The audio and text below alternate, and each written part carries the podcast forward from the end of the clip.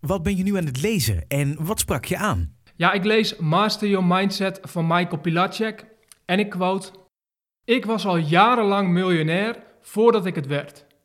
Dit is één van de opmerkelijke ontdekkingen die ik de afgelopen jaren heb gedaan. Op mijn zevende heb ik het onomkeerbare besluit genomen. Vanaf dat moment was het alleen nog een kwestie om het fysieke bedrag bij elkaar te verzamelen. Er is geen sporter die goud wint wanneer hij zichzelf niet al ziet als kampioen. Daarmee bedoel ik niet het hebben van een wens. Ook niet een verlangen.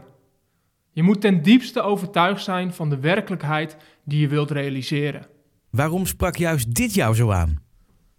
Ja, ik vind dit interessant, want ongetwijfeld dat dit uh, iets bij je triggert. Um, misschien um, ga je er gelijk in mee, word je er gelijk enthousiast van.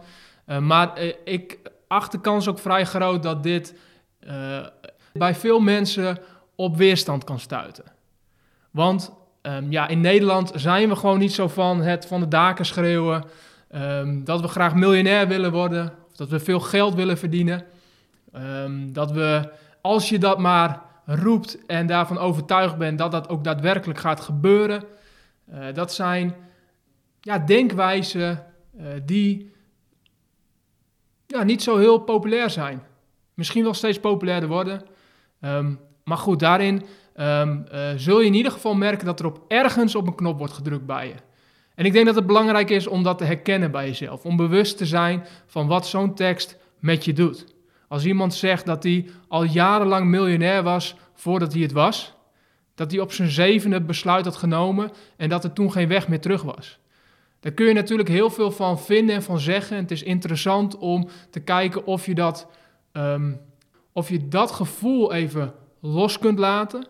Um, en kunt kijken naar wat hij daadwerkelijk zegt. Want ik denk dat wat hij hier in de kern zegt enorm belangrijk is als je onderweg bent. Als je jezelf wil ontwikkelen op het gebied van persoonlijk leiderschap. Want wat hij hier zegt is dat het zo belangrijk is om voor jezelf een heel duidelijk besluit te nemen. Wat het dan ook is. En hij gebruikt dan zelf het voorbeeld van geld verdienen, miljonair zijn. Maar het gaat om het principe wat erachter zit.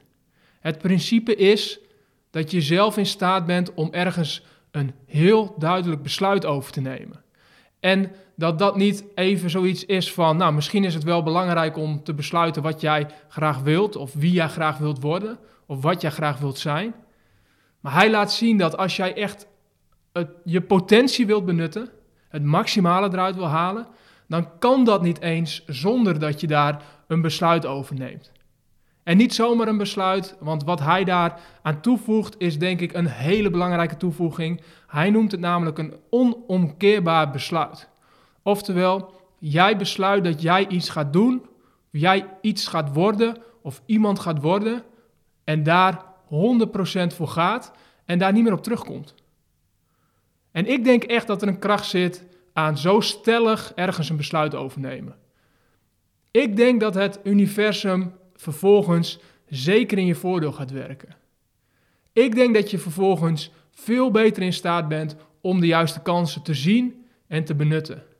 En ik denk dat het je helpt om steeds meer overtuigd te zijn van het feit dat datgene wat je voor jezelf hebt besloten ook echt daadwerkelijk kan.